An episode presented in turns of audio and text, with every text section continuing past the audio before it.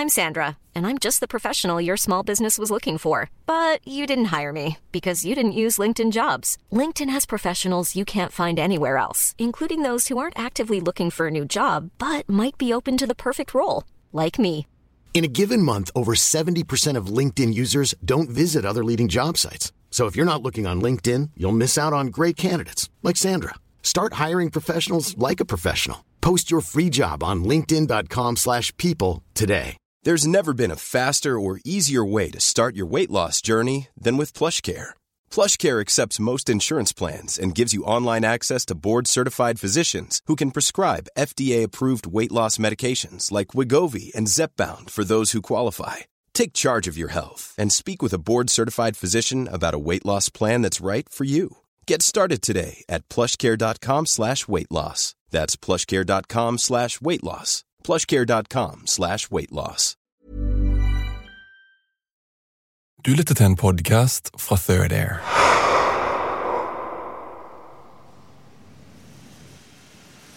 I en hangar på Kjeller utenfor Oslo foregår et unikt stykke arbeid. Noe som aldri har skjedd før eller siden i Norge. Hangaren tilhører Havarikommisjonen. Det er de som har ansvaret for å finne ut av årsaken til ulykka. Sjølve mysteriet. Delene til flyet som falt fra hverandre, ble drysset over flere kvadratkilometer ute i Skagerrak. Men nå ligger vrakdelene her, i hangaren. Hele 95% av det oppbrutte flyet har de fått tak i. De har òg funnet den svarte boksen. De er satt inn i fly nettopp for å gi oss svar ved ulykker.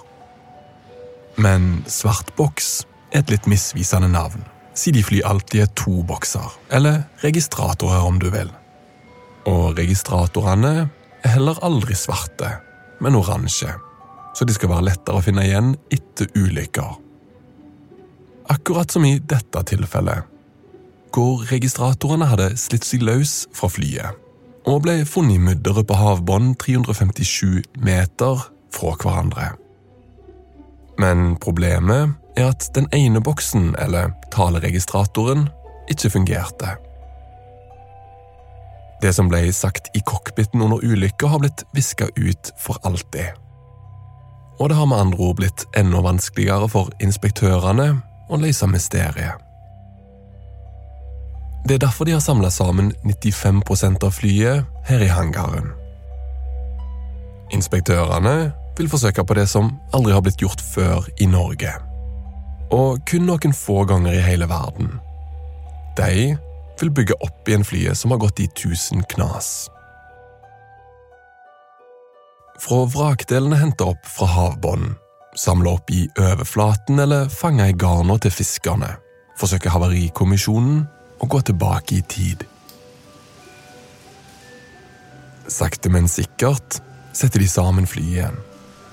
Mens de undersøker bruddlinjer, bolter, skraper og bøyd metall.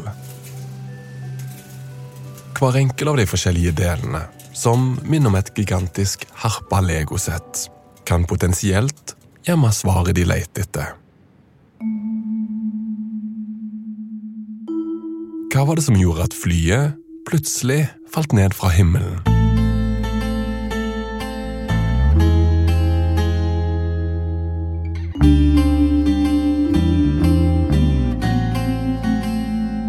Hvem der kom med på det dødsdømte partnerfly, ble avgjort ved en loddtrekning i kantinen til rederiet Wilhelmsen Line. Og der ble det bestemt at eh, av de 110 ansatte i Wilhelmsen Line, så skulle 45 få eh, et eh, såkalt vinnerlodd for å få være med. Det var altså en ren tilfeldighet der avgjorde hvem der ble ofrene i Norges historiens værste flykatastrofe. Men var det også tilfældigheder, der avgjorde at flyet styrtet ned over Skagerak netop denne dag? Det var det, Havarikommissionen forsøkte å finne ut af, da de samlede partnerflyet fra tusinder af vragdele. Mere end 30 år senere er der stadig folk, der mener, der er ubesvarede spørgsmål i saken. Det kan godt hende at det resultatet som Flyhavarikommisjonen har kommet fram til her, er riktig. Men det er så mange spørsmål som det er verdt å stille.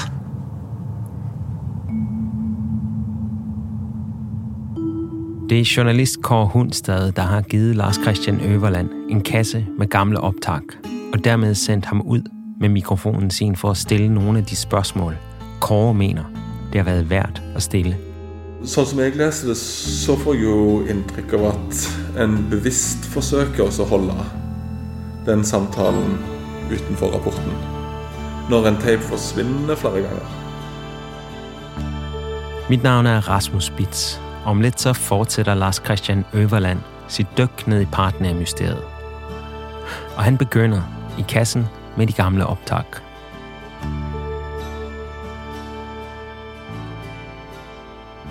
Du har ennå ikke møtt Terje Thoresen, den andre av de to tvillingbrødrene som eide partnerflyet. Det er fordi han er 84 og svekka i dag. Men på de gamle opptakene jeg har fått fra Kåre Hunstad, husker han fortsatt klart. Terje er intervjua ute, med fuglekvitter i bakgrunnen av Kåre. Hvordan har du opplevd denne saken som en personlig belastning? Det er jo ved hele tida, da. Om det ikke direkte liksom blir sagt at det var vi som gjorde at disse alle gikk med, så er det jo liksom fremført sånn. Den første tida etter ulykka er det ingen som vet hva årsaken er. Det framstår som et mysterium. Men frekvensen som flygelederen i tårnet ved Fornebu og jagerflyet kommuniserte på, var åpen. Og en rekke andre fly lytta til den på ulykkesdagen. Nå har flere begynt å prate om den merkelige samtalen, kun få minutter før partnerflyet havarerte. Det er heller ikke så rart, for det er flere ting med samtalen som er spesielt. For det første bryter piloten med normene når han slår over fra engelsk til norsk, for å si at han vil spørre flygelederen i kontrolltårnet om noe. Ja, det vet du, men jeg skal spørre om. Ja, da kan du gjøre det nå, vet du. Flygelederen svarer at ja, da kan du gjøre det nå, vet du. Og det er nå piloten spør om de hadde kontroll på airlineren som kom rett på trynet. Airlineren er partnerflyet. Ja, du visste at du hadde en airliner som kom rett på trynet? Det blir stille i noen sekunder fra flygelederen, før han slår over på arbeidsspråk igjen og spør jagerflyet om han kan bekrefte at han holder den tildelte høyden sin, som skal være 2000 fot høyere enn partnerflyet. Norwegian 5077, will you confirm that you are assignable 240? Piloten bekrefter at han holder den tildelte høyden, før han legger til det som ikke går opp, at han nettopp passerte partnerflyet slightly below.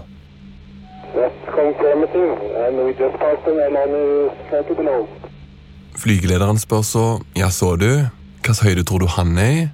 Ja, så du, hvilken høyde tror du han var, ja? Så svarer piloten med det som i denne sammenhengen betyr se bort fra samtalen. All. Hvor stor var egentlig avstanden mellom flyene, når piloten hevder han fikk partnerflyet rett på trynet, og at han passerte det slightly below? For de uttrykka går ikke opp med at begge lå i sine tildelte høyder, 2000 fot fra hverandre.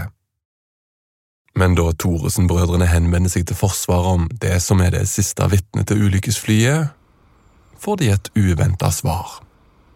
Eh, Vi kontakta da Forsvaret eh, om passering av F-16-fly. Da fikk vi bekrefta at det, var ingen aktivitet, og ikke eh, hadde noen ting med passeringa å gjøre overhodet.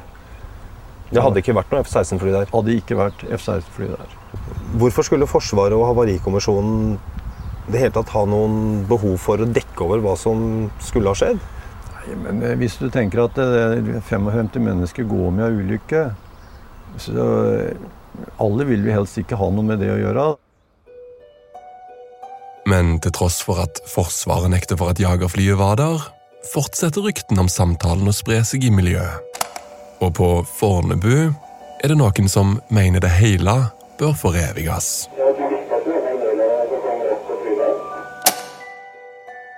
Jeg vet ikke akkurat hvem det her var. For ingen av de som jeg har prata med, husker det. Men en av de som hadde tilgang til opptaket mellom kontrolltårnet og jagerflypiloten, gjør et valg som skal endre den saken her for alltid. Han kopierer opptaket over på en kassett og gir den til brødrene Thoresen. Det her er Rolf Thoresen på telefon fra Danmark. Så han sikra seg den der, da. Og den av egen interesse. Det er derfor vi fikk tak i den. De to brødrene og eieren av Partner ber om et møte med lederen for Havarikommisjonen, Ragnar Rygnestad, om hva han syns om den merkverdige samtalen. Rygnestad gikk bort i 2017 og kan ikke fortelle sin versjon av historien.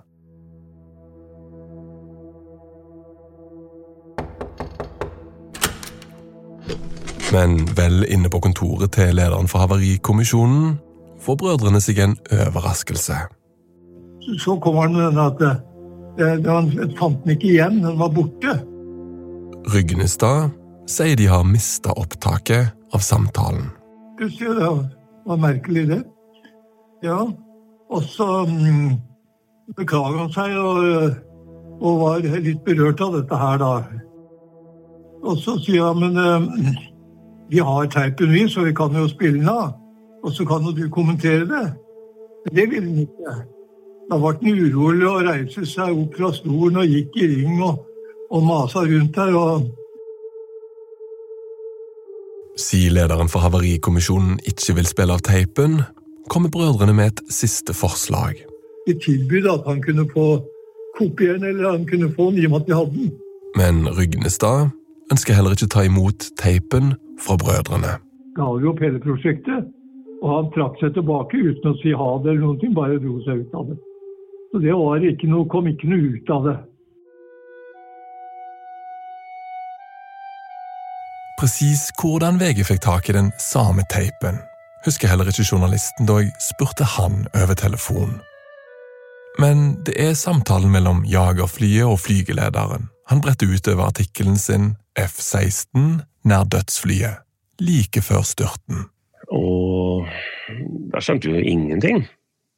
Det her er Eivind Pedersen, som heller ikke skjønner helt hva som foregår, da han, som alle andre, leser om saken i VG 16 dager etter ulykka. Plutselig så dukker det opp enda en flymaskin. Men så viste det seg det at Forsvaret allikevel hadde fortiet at en norsk F-16 hadde flydd kjempekjapt forbi umiddelbart før havariet.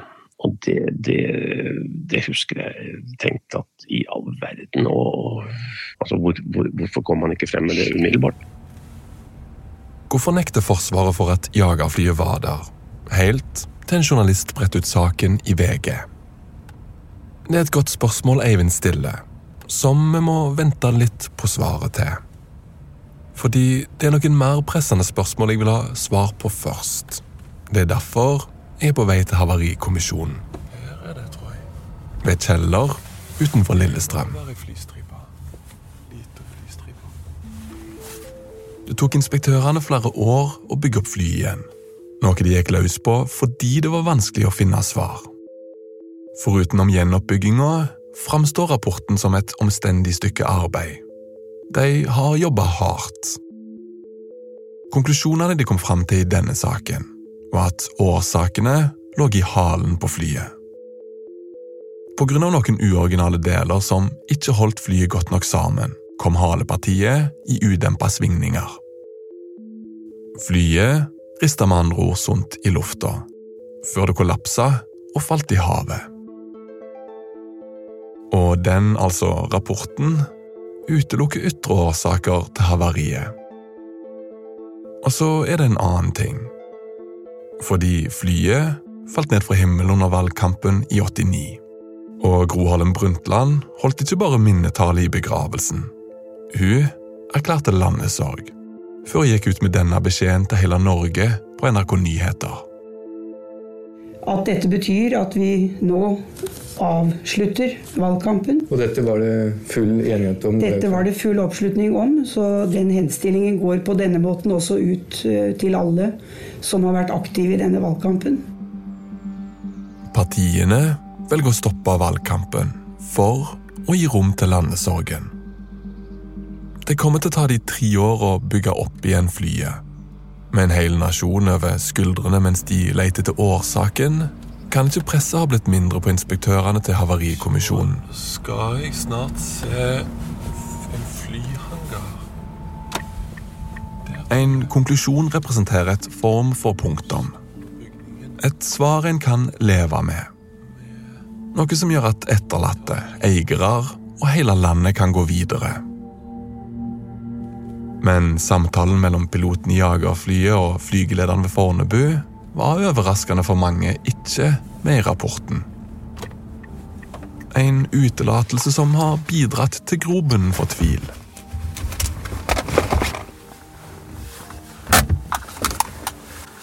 Det er ingen av de som bygde opp igjen flyet eller skrev rapporten, som jobber her i dag. Men Kåre Halvorsen, som er leder for luftfart ved Havarikommisjonen, har gått med på å møte meg for et intervju. På veggen i det ene møterommet henger en lang rekke med alvorlige portrettbilder. Hvem er det som henger på veggen? Det er de tidligere direktører. Alexander, mor, Rygnestad okay, så han var sjef under, Det er han som var sjef under ulykka? Han var sjef da ulykka skjedde. Ja. Rygnestad var han brødrene Thoresen forsøkte å gi teipen til like etter ulykka. Det vi skal inn i nå, altså tekniske forklaringer på hvorfor flyet falt fra hverandre, er litt komplisert. Det er det nødt til å være. Det er tross alt et fly. Men det viktige å holde øye på er vibrasjonene som oppstår. En generator i halepartiet, og ikke minst fire uoriginale bolter i halen. Hva, hva er de viktige sporene som begynner å dukke opp her? Når en skal lete etter årsaken til ulykka? Flyet, flyet hadde brutt opp på et tidspunkt. eh, Og, og det visste man jo egentlig ikke helt. Eh, Man kunne se det på at delene var spredd over en stor, eh, stor distanse på, på havbunnen. At flyet brøt opp i tusen knas var åpenbart, siden delene var spredt over et stort område ute i Skagerrak. Det neste viktige spørsmålet blir derfor skjedde det mens det fløy i den tildelte høyden sin, eller på vei ned mot havflaten. Under gjenoppbygginga finner inspektørene ut at halepartiet hadde løsna under fleiten. Videre så kunne man da se at vingene eh, var brutt, begge var brutt av på mer eller mindre samme måte. Vingene er ikke bare brutt av. De har knekt samtidig. Det vil si at, eh, at, det, at det har skjedd etter at flyet var på vei ned. Det inspektørene begynte å sette sammen, var en historie. Et hendelsesforløp som slutta i en katastrofe. Men begynnelsen, eller årsaken til at flyet rista i fillebiter, mener de begynte flere år for selve ulykka. Da Thoresen-brødrene oppgraderte flyet. Man bytta motorer fra at det var en stempelmotorer til at det ble turbinmotorer. Det gjør at man får mye, for mye kraftigere motorer enn det som var originalt. Logikken her er litt som å sette en Porsche-motor i en eldre Opel. Karosseriet til den gamle bilen er ikke bygd for de nye kreftene motoren gir. I dette tilfellet kunne motorene skyve mer luft bak seg. Denne økte luftstrømmen bak propellene skapte mer bevegelse inn i halepartiet. Det, det var en kjent utfordring at du kan få vibrasjoner i halen. I selve halen satt et aggregat. Og når ulykkesturen hadde det ene festet røket, og aggregatet begynte å bevege på seg, ifølge rapporten. Det starter med, med kanskje aggregatet og det uoriginale festet der. Det er fort gjort å henge seg opp i tekniske detaljer når en prater om en rapport om flyulykka. Men da Kåre Halvorsen finner fram den siste lenka i en lang kjede som skal ha ført til flystyrten, kommer det hele tett på igjen. Du har funnet fram en av boltene som, eh, som satt i flyet vi har her. Det er ikke boltene i seg sjøl som er skyld i ulykka. Katastrofer skyldes nesten aldri en enkel feil, men når en rekke av ting som går galt, oppstår samtidig. Og en av de er boltene jeg kjenner vekta av i hånda. Det er fire av de her boltene og tilhørende hylser som fester halen til resten av flyet. De blir satt inn i flyet på et verksted i Canada, og har ikke den hardheten de skal ha. Lavere hardhet, og dermed også lavere styrke. Så, så det er boltene og hylsene som sammen utgjør, utgjør svakheten her.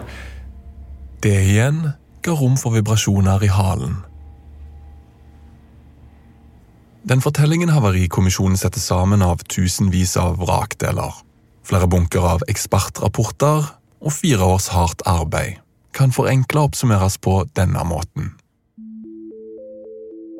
De nye sterke motorene ga økt luftstrøm inn i halen, noe som skapte mer bevegelse. Bak i halen sto et aggregat som vibrerte på grunn av et løst feste, og boltene og hylsene som halen var festa med, var for mjuke og ga rom for bevegelse. Hver del av denne årsakskjeden er et skritt på vei mot de udempa svingningene, som rista flyet fra hverandre i lufta over Skagerrak, ifølge rapporten. Forsvarets F-16 jagerfly nevnes så vidt i rapporten. Men bare i form av at de kjapt ekskluderer det fra å ha noe med ulykka å gjøre.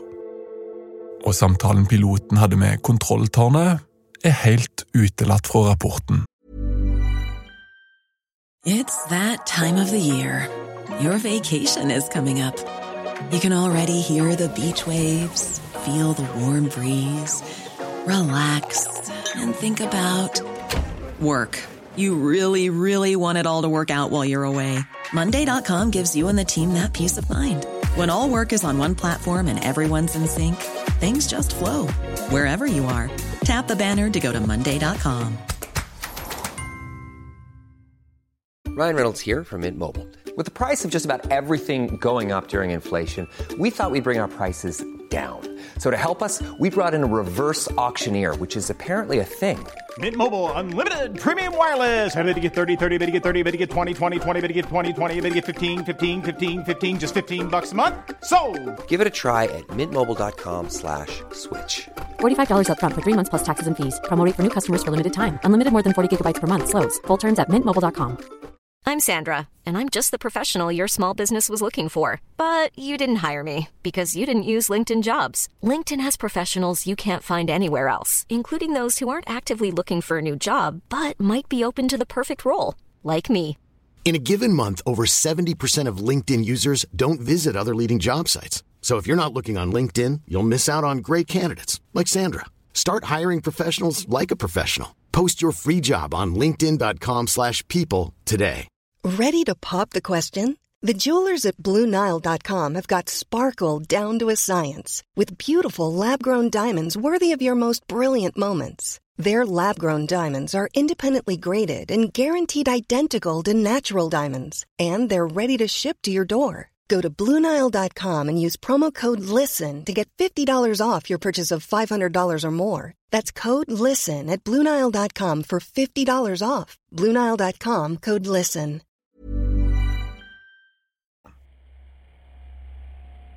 Er du trygg på at eh, rapporten har kommet fram til den rette konklusjonen?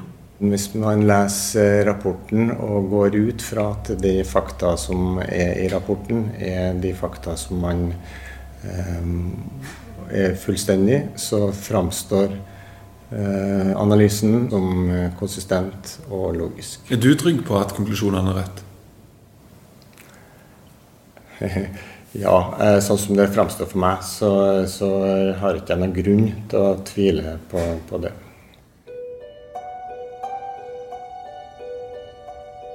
Historien en kan lese i rapporten, viser en kjede av begivenheter som til sammen kulminerer i en katastrofe. Brikkene i det puslespillet blir satt sammen til en forklaring som hele landet krever. Tre tiår seinere mener kommisjonen at det ikke er noe å utsette på bildet som rapporten gir oss. Men hva med brikkene som ble utelatt? For det er de som gir grobunn for tvil. Og et spørsmål knytta til den tvilen er Dersom partnerflyet rista fra hverandre av seg sjøl, hvorfor nekta da Forsvaret først på at jagerflyet var i lufta? Det opptaket her er av tidligere talsmann i Forsvaret Gullar Jeseth, like etter ulykka. Det var ingen militær trafikk i området på dette tidspunktet, verken norsk eller alliert. Det er en merkverdig retorikk Forsvaret holder på med.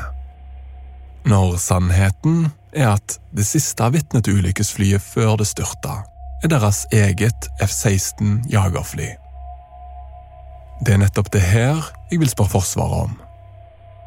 Er du det en kaller Afghanistan-veteran? Ja. Fløy du helikopter? Nei, jeg ledet helikopteroperasjoner. Så jeg satt i et operasjonsrom, og så sendte jeg folk ut på oppdrag. Og det er noen som trenger hjelp, så sendte vi sånn kamphelikopter. Sånn at de fikk ildstøtte fra oven. Hva heter du? Øystein Kvarving. Jeg er eh, brigader og kommunikasjonssjef for Forsvaret. Hva tenker du om påstanden om at Forsvaret har dekka over eller løyet i den saken her? Ja, Det ser jeg helt bort ifra. Det har vi ikke gjort. Eh, Dette har vært oppe i først Statens havarikommisjon, hvor Forsvaret var helt åpne om alt vi, de trengte av informasjon. Og, og selv om du ikke jobba med dette når, eh, når dette skjedde, Mm. så har du satt deg inn i saken, og du, du er trygg på at det ikke er noe hemmelighold og overdekning fra Forsvarets side her? liksom. Ja, det, det er jeg trygg på. Ellers så hadde jeg vel ikke vært så bastant, jeg heller, som noen har påpekt til meg tidligere. Det er jo én sak her, da, fordi at Forsvaret hevder jo først at flyet ikke var der. Eh, det, og igjen så var det var jo ikke jeg som sto og svarte på det den gangen, men, men jeg tror, da, da spørs det jo hvilket spørsmål som blir stilt. Jeg tror Et av sporene man så på, det var at det foregikk en større Nato-øvelse i, i dette litt større området. Her er det på tide med en liten faktaboks. Fordi det var en Nato-øvelse i området. Den var riktignok avslutta før flyet havarerte, ifølge Forsvaret sjøl. Og så er det en viktig liten detalj. Fordi jagerflyet var ikke i militær, men sivil trafikk. Det var i Aalborg for å hente en offiser.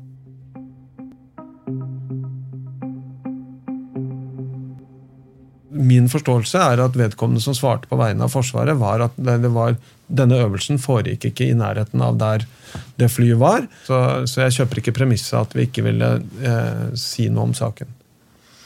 Nei, fordi ehm, Det er denne jeg tenker er spesielt problematisk, da.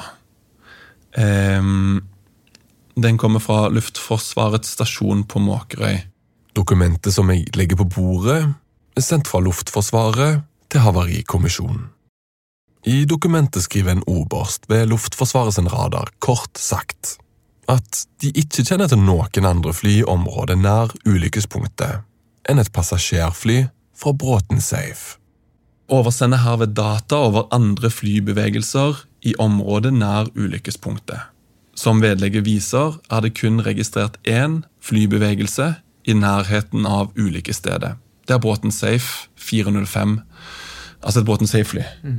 Det interessante er at dokumentet er sendt fra Forsvaret til Havarikommisjonen før det ble kjent i VG at jagerflyet passerte ulykkesflyet kort tid før det havarerer. Så blåser Jan Oven denne saken opp i VG. F-16 nær dødsflyet like før styrten. Først da går Forsvaret med på at jagerflyet var i luftrommet i nærheten av ulykkesfly, ulykkesflyet. Ja, nei, det, Jeg vet, kjenner ikke til eh, hvordan de definerte nærheten av ulykkesflyet, eller hva de tenkte når de kommuniserte på den måten. Eh, det, fall, det er ikke sånn at Forsvaret ønsker å skjule noen ting i denne saken. På noen som helst måte. Så, så eh, jeg vil tro at dette beror seg på, på, på at man enten misforståelse eller at man har lagt noe annet til grunn. Derfor, for du jobber jo ikke med det sånn at teoretisk sett, hvis de hadde skjult noe, så hadde du jo ikke visst det. Nei, altså jeg kjøper ikke premisset om at noen har skjult noe som helst. Jeg har satt meg inn i saken, jeg har snakket med folk som, som var involvert den gangen. Så, så, det, så, så, det, er jeg helt sikker på at ikke, ikke de har gjort. Forsvaret nekta ikke bare for at de hadde et fly nær ulykkesflyet. I intervjuer. De sendte et dokument fra en av sine radarer, som skulle bevise det her. Og i dag nekter Forsvarets talsperson på at de har nekta på at flyet var der.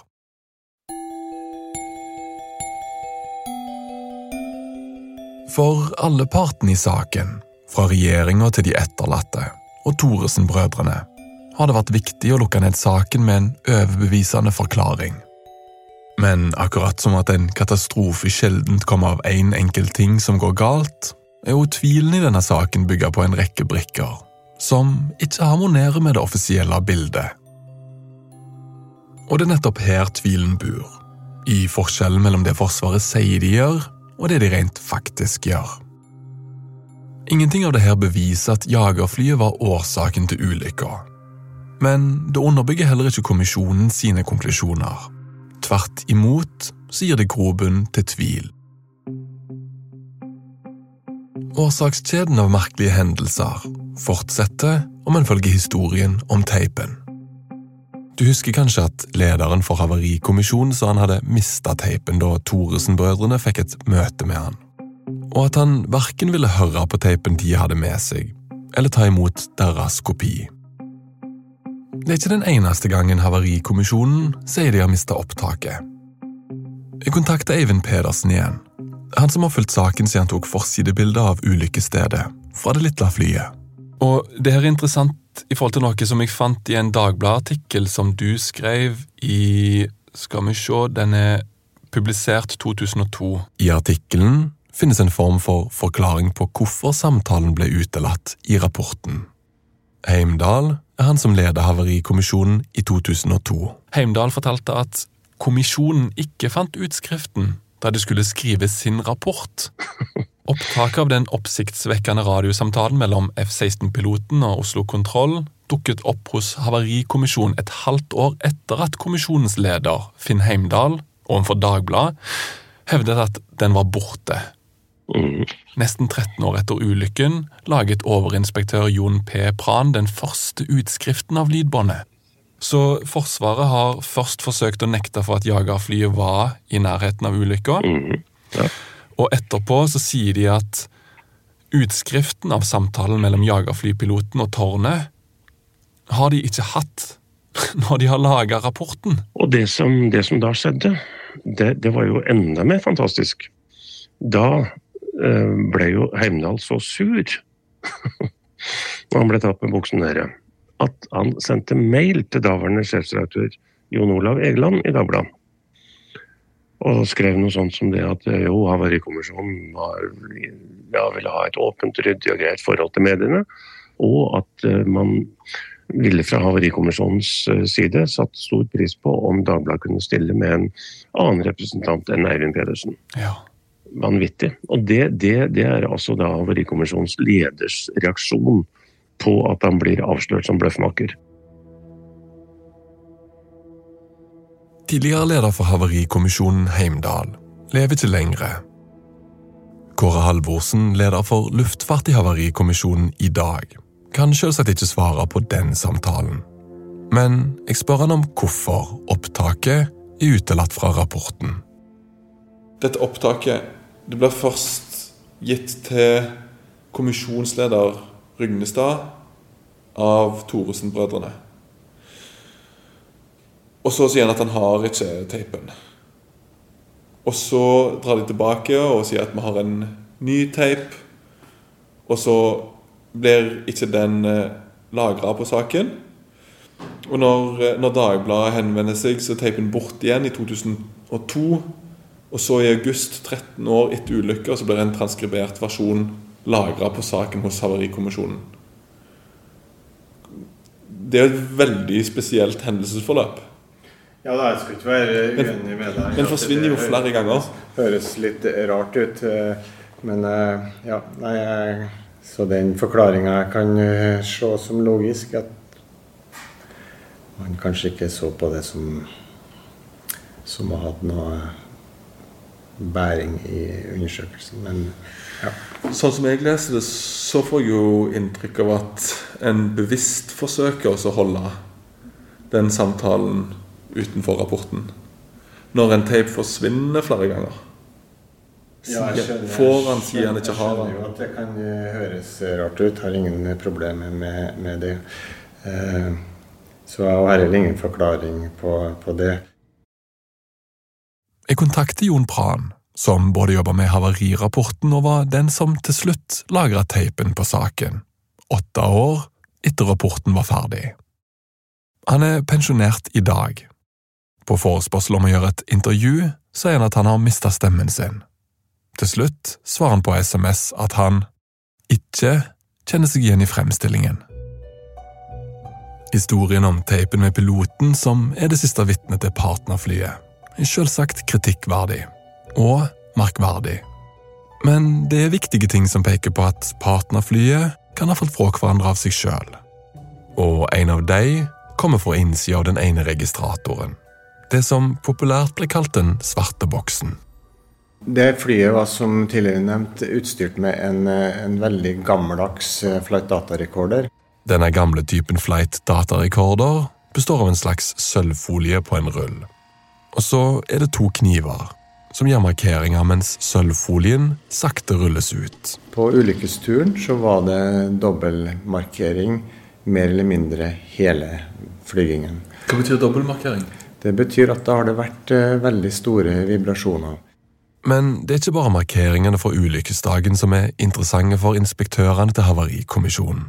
Det som er fint med en sånn rekorder, er at da kan det gå veldig langt tilbake i tid. Så man kunne se, se på historien. Når man spola lenger tilbake i tid, så fant man eh, en periode hvor det ikke var noe eh, vibrasjoner. Perioden uten vibrasjoner er like etter flyet har vært inne på verkstedet i Canada. Spørsmålet blir derfor hva har de gjort med flyet der? Husker du de fire uoriginale boltene som fester halen til resten av flyet?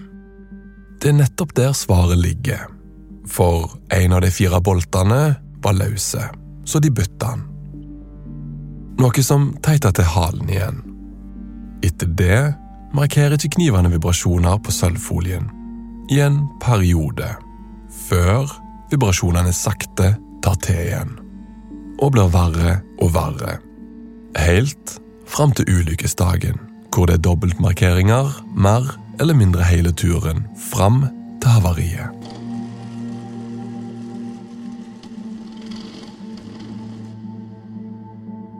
Er det mulig at eh, det en kunne lese ut fra denne metallfolien, kunne ha vært noe annet enn det en har konkludert med i rapporten?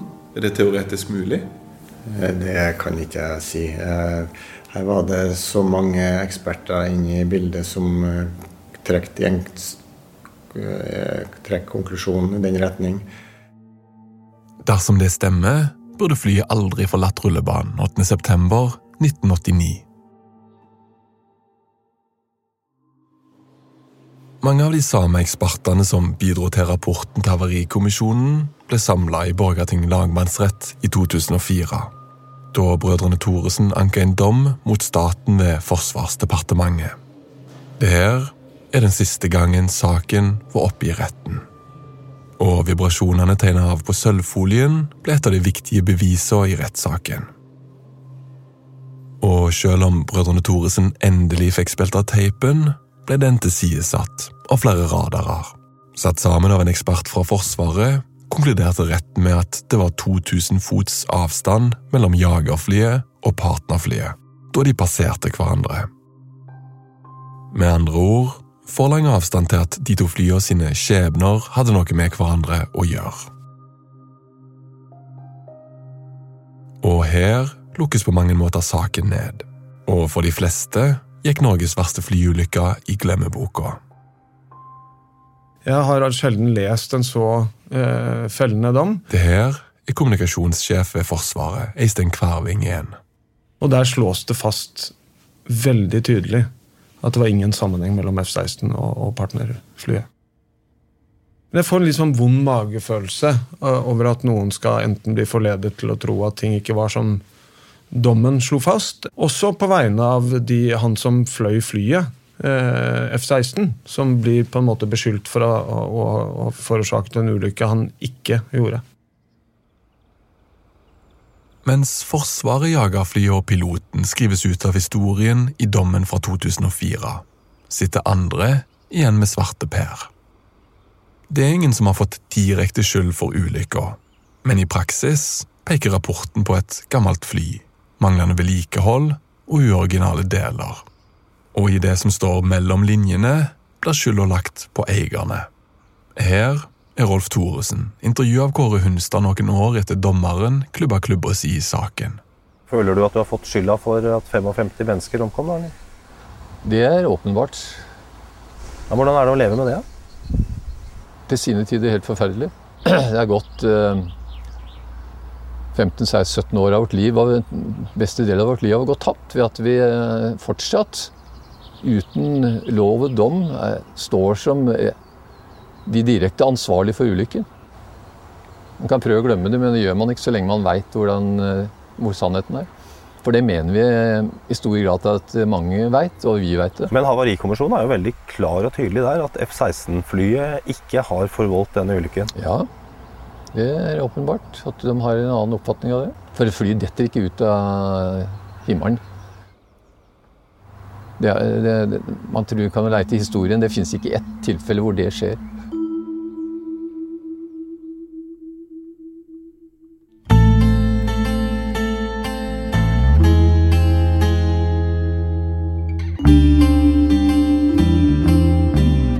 Fly falder ikke bare ut av himmelen, sier Rolf Thorsen. Eller gør de? Netop det dykker Lars Christian Øverland ned i i næste episode af Partnermysteriet. Det hersker usikkerhet omkring årsakene til havariet. Jeg opplever jo at det er veldig tydelig. Eh, så jeg er trygg på at eh, den dommen fra lagmannsretten er riktig. Fra 2004, fra lagmannsretten, så står det noe som ikke får helt til å gå opp. Men her står det at du ikke husker noe. Ja, det er løgn. Om det står at jeg ikke husker noen ting, så er jo det bent fram totalt feil. For jeg sa akkurat hva jeg huska. Vi er fortsatt i full gang med undersøkelsen av hva der egentlig skjedde da partnerflyet falt ned. Og hvis du vet noe, så vil vi meget gerne høre fra dig. Du kan skrive til os på vores Facebook-side En Mørk Historie, eller direkte til Lars Christian på lk.overland at 30.studio. Den her historie er taget op, skrevet og produceret af Lars Christian Øverland. Klip og lyddesign er mig, jeg hedder Rasmus Spitz. Mix er af Anne Opel. Og endnu en gang, så skylder vi en ekstra tak til Kåre Hundstad og Børge Solem, som har givet os de gamle optagende, og ikke mindst til Eivind Pedersen, som har delt vigtigt kildemateriale, han har samlet ind over flere 10 år. I den her episode har du hørt optag fra NRK Nyheder og partner Den Glemte Tragedien på Viaplay. Executive producent på Third Year er David Mer, ansvarlig udgiver er Martin Jonsson.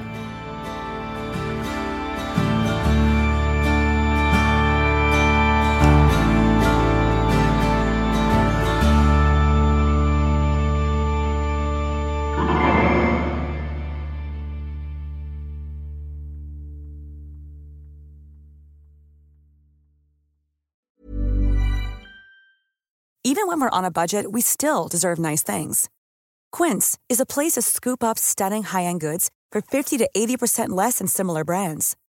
They have buttery soft cashmere sweaters starting at $50, luxurious Italian leather bags, and so much more. Plus, Quince only works with factories that use safe, ethical, and responsible manufacturing. Get the high-end goods you'll love without the high price tag with Quince. Go to quince.com/style for free shipping and 365-day returns.